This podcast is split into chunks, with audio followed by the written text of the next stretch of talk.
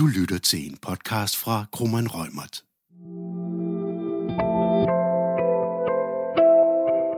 I denne podcast-serie på to afsnit fra Krummeren Rømert skal det handle om retssager.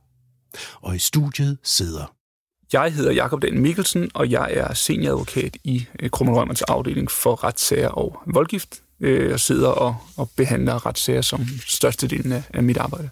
Og jeg hedder Sigrid Valsy Sørensen og er advokatfuldmægtig i samme afdeling som øh, Jakob, så jeg øh, arbejder også til daglig med, øh, med retssager.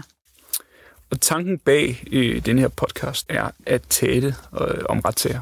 Ikke så meget om sådan de, de strengt juridiske dele, men mere om de praktiske forhold, som man skal forholde sig til, hvis man på den ene eller anden måde bliver involveret i, i en retssag.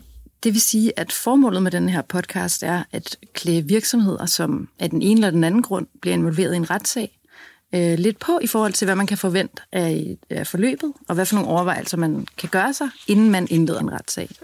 Der er selvfølgelig aldrig to sager, som kører, som kører fuldstændig ens, og hvordan, øh, hvordan sagen den forløber, det afhænger også af, hvad er det for nogle parter, der er involveret. Hvad handler sagen om? Hvad er det for nogle problemstillinger, øh, der er relevante i sagen osv.? Så, så man kan selvfølgelig ikke give sådan en fuldstændig blueprint over, hvordan, hvordan retssagen forløber.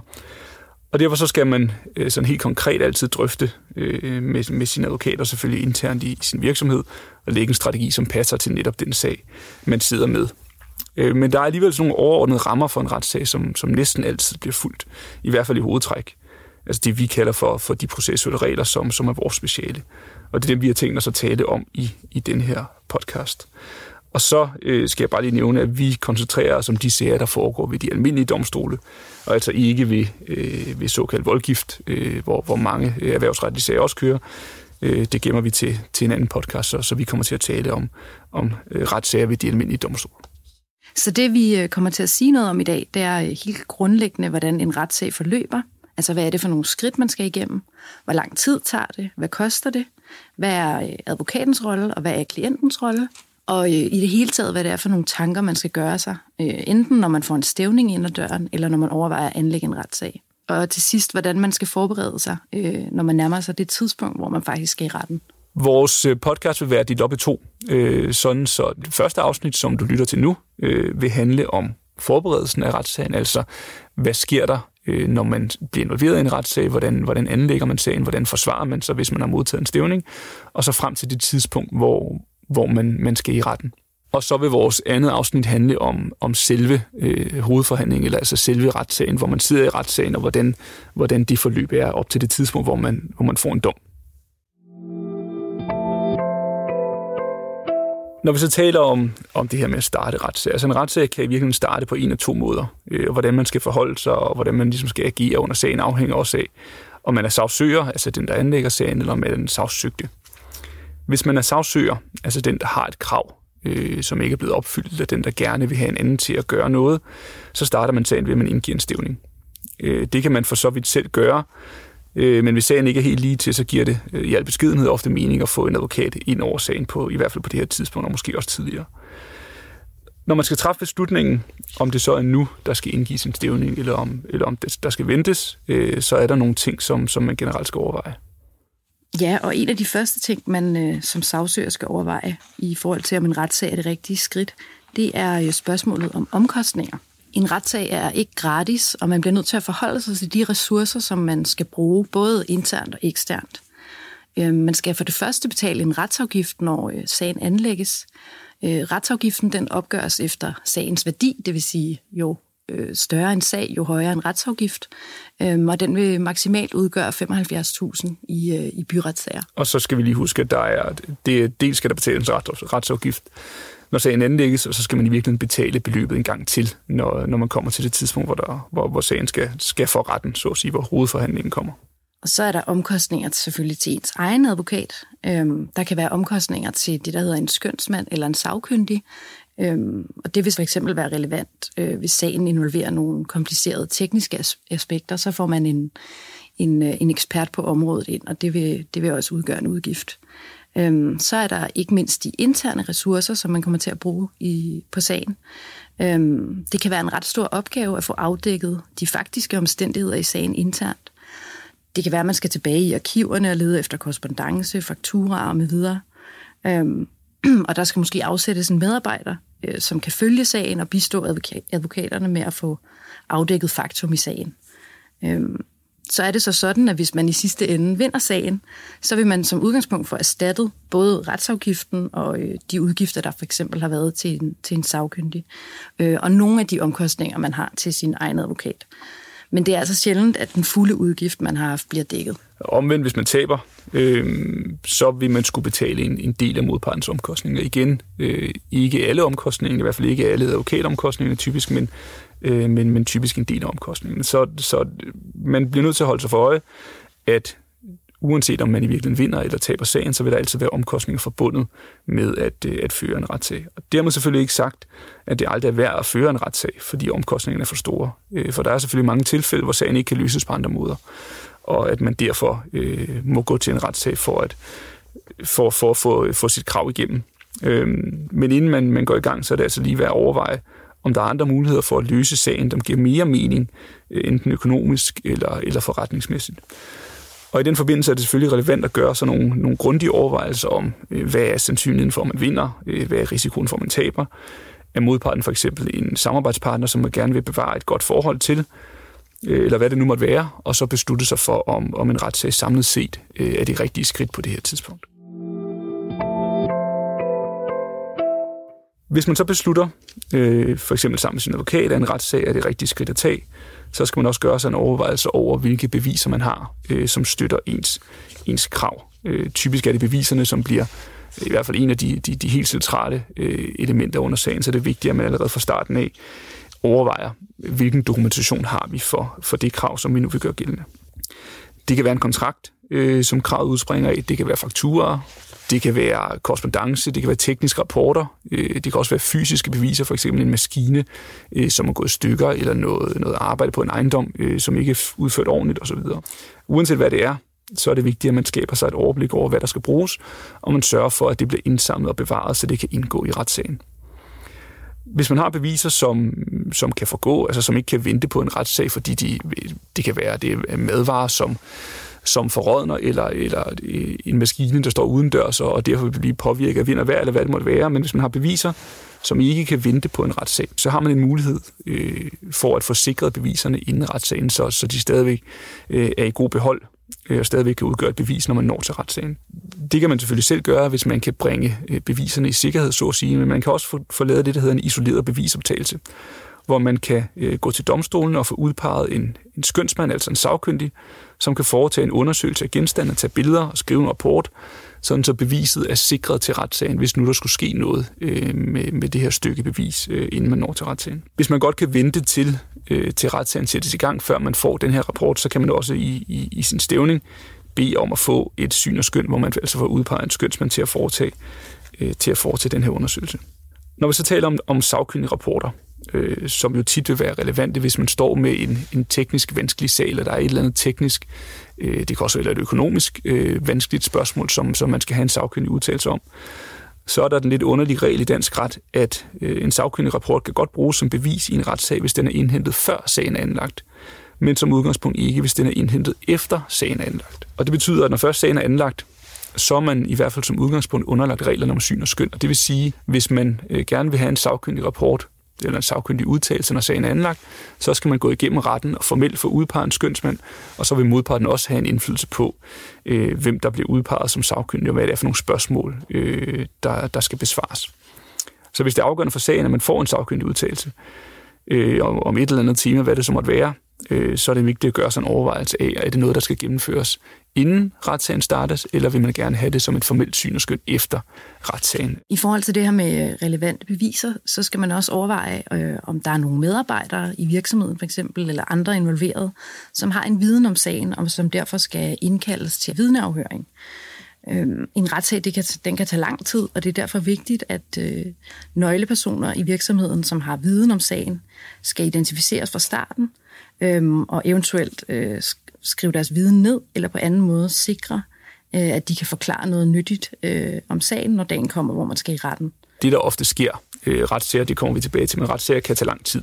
Og det, der ofte sker, er, at selvom øh, en, en medarbejder eller de personer, der har været involveret i sagen, øh, og som har kendskab til det, selvom de på det tidspunkt, hvor man anlægger sagen, øh, helt klart kan huske, hvad der er sket, øh, hvordan hændelsesforløbet har været, så jo tættere man kommer øh, på retssagerne, jo længere tid der går, jo mere har, har, har folk glemt. Øh, så derfor så er det vigtigt, at man, hvis deres viden er, har, har en betydning for retssagen, at man så får det skrevet ned, eller i hvert fald på en eller anden måde forsikret, at de så også, at man stadig har den viden, når man når til retssagen. Det kan også være, at medarbejdere skifter arbejde, eller man pludselig ikke er så gode venner, som man var, øh, da, da sagen startede osv. Så, så, så det er vigtigt, at man får sikret øh, den viden øh, allerede fra starten.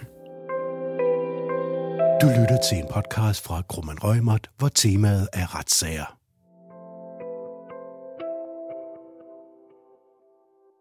Når man så har, øh, har indsamlet øh, de her indledende bevismateriale, for eksempel i form af en, øh, en isoleret bevisoptagelse, og man har gjort sig tanke om, hvad for nogle vidner, der skal medvirke, øh, så øh, udarbejder man en stævning og indgiver den til retten. Stævningen skal helt grundlæggende indeholde en påstand, øh, det vil sige en beskrivelse af, hvad man vil opnå med sagen. Det kan både være en såkaldt fuldbyrdelsespåstand, hvor man for eksempel øh, pålægger modparten at betale et bestemt beløb, eller det kan være en anerkendelsespåstand, hvor man nedlægger påstand om, at modparten skal anerkende for eksempel at have handlet i strid med et kontraktsvilkår. Øh, man kan også have en øh, kombination af begge dele. Øh, derudover så skal stævningen selvfølgelig indeholde en beskrivelse af, af det faktiske forløb, altså hændelsesforløbet i sagen, Øh, og det skal så øh, suppleres af, øh, af de juridiske synspunkter, som man støtter sit krav på.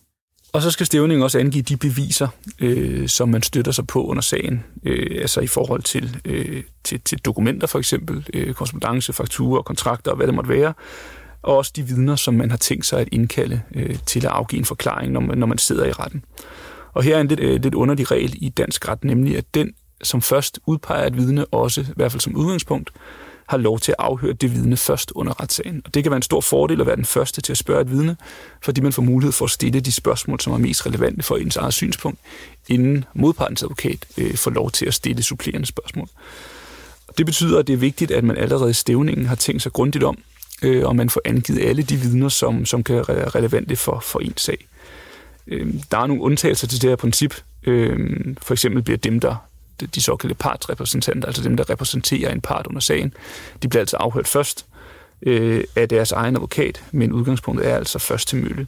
Hvis der er beviser, man gerne vil påberåbe sig, som, øh, som ligger hos modparten eller hos en tredje mand, så kan man indgive det, der hedder en editionsbegæring. Og det betyder sådan set bare, at man beder retten pålægge øh, modparten eller pålægge en, som slet ikke er part i sagen, om at fremlægge de her, øh, de her beviser, så man kan, kan støtte sig på dem under øh, retssagen.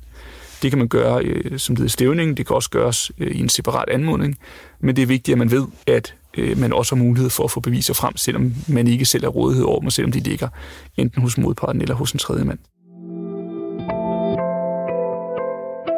Når man så når øh, til det punkt, hvor stævningen er færdig, øh, så skal den indgives til retten. Det er som udgangspunkt i byretten, øh, hvor, hvor alle sager i hvert fald som, som udgangspunkt starter. Og de danske domstole er nu øh, efterhånden blevet øh, så digitaliseret, at alle sager skal anlægges på øh, domstolens digitale sagsportal, øh, som er en, i virkeligheden en hjemmeside, der hedder minretssag.dk. Øh, og der kan man gå ind, øh, man kan uploade sin stævning, og så kører sagen i virkeligheden på den portal, så alle dokumenter, øh, der kommer frem i sagen, al korrespondence til retten, også fra retten, kommer frem der og bliver gjort tilgængelig øh, på portalen, og også skal uploades til, øh, til portalen. Når stævningen så er indgivet og retsafgiften er betalt, så er sagen i gang, og så vil modparten få en frist til at svare og indgive sit svarskrift, som altså kommer med, med, med modpartens øh, synspunkter i sagen. Ja, og, øh, og det bringer os øh, til den anden måde, som man kan blive involveret i en retssag på, øh, nemlig ved at modtage en stævning, øh, og der er man altså så sagsøgt. Øh, hvis det sker, så er det sådan set i høj grad nogle af de samme overvejelser, som vi, øh, som vi netop har omtalt, som man skal gøre sig. Øhm, det vil sige, at man skal også her overveje, om sagen eventuelt kan løses på en anden måde øh, end ved en retssag, øh, hvis det giver bedre mening, øh, enten økonomisk eller forretningsmæssigt. Øh, og så skal man også som sagsøgt gøre sig overvejelser om, hvad for nogle beviser man har til rådighed, øh, om det er nogen, der skal sikres med det samme, om man har brug for sagkyndig bistand eller andet. Igen, som vi talte om før, hvis der er nogen, der har en relevant viden, øh, medarbejdere øh, eller andet, øh, som man vil have ind som vidner, og som man skal tale med allerede nu, så, så skal man selvfølgelig også få, få det gjort, så, så man er sikker på, at man har fået den, den viden, de måtte have, så man kan bruge den senere i sagen også. Når man har modtaget en, en stævning fra en modpart, der altså er blevet til, til sagsøgt i en retssag, så får man en frist for retten, som typisk er på 14 dage, efter at stævningen er blevet forkyndt, og det vil sige efter, at man har, har modtaget stævningen, har accepteret, at, at nu har man fået den. Og det svarskrift skal, øh, ligesom stævningen, indeholde ens påstand, øh, hvor man altså i hvert fald som minimum forholder sig til modpartens påstand. Det kan fx være en påstand om frifindelse, hvis man mener, at, at øh, modpartens krav er, er helt forkert. Det kan også være en påstand om, at man skal betale et mindre beløb, end det modparten har gjort gældende, hvis man øh, erkender at skylde en del af det, men dog ikke det hele. Og man kan også nedlægge en selvstændig påstand. Øh, og det vil sige, at hvis man øh, i øvrigt mener, at man har et krav mod modparten, øh, så kan man gøre det krav gældende, i hvert fald som udgangspunkt, under samme sag. Og det, det er sådan set øh, fuldstændig samme princip, som hvis man selv var sagsøger, altså at man så formulerer en påstand om, om betaling eller om, om, om anerkendelse øh, mod modparten. Og så skal svarskriftet også indeholde øh, ens egen beskrivelse af øh, det faktiske forløb og de juridiske synspunkter, man støtter sig på. Og typisk vil det jo være en, en imødegåelse af det, som, som fremgår stævning, altså hvor man forholder sig til det, øh, som, som ens modpart har skrevet stævning, og så øh, Øh, forklare, hvorfor man, man ikke er, er enig i, i de forhold. Og så skal man igen huske reglen om, at den, der først indkalder et vidne, øh, har lov til at, øh, til at afhøre det vidne først. Og det betyder, at man ikke behøver at indkalde vidner, som, som modparten er indkaldt, øh, i hvert fald ikke som udgangspunkt, øh, fordi de er allerede indkaldt. Øh, men man skal selvfølgelig stadigvæk grundigt overveje, om der er andre vidner, som man gerne vil have med ind og afhøre under retssagen.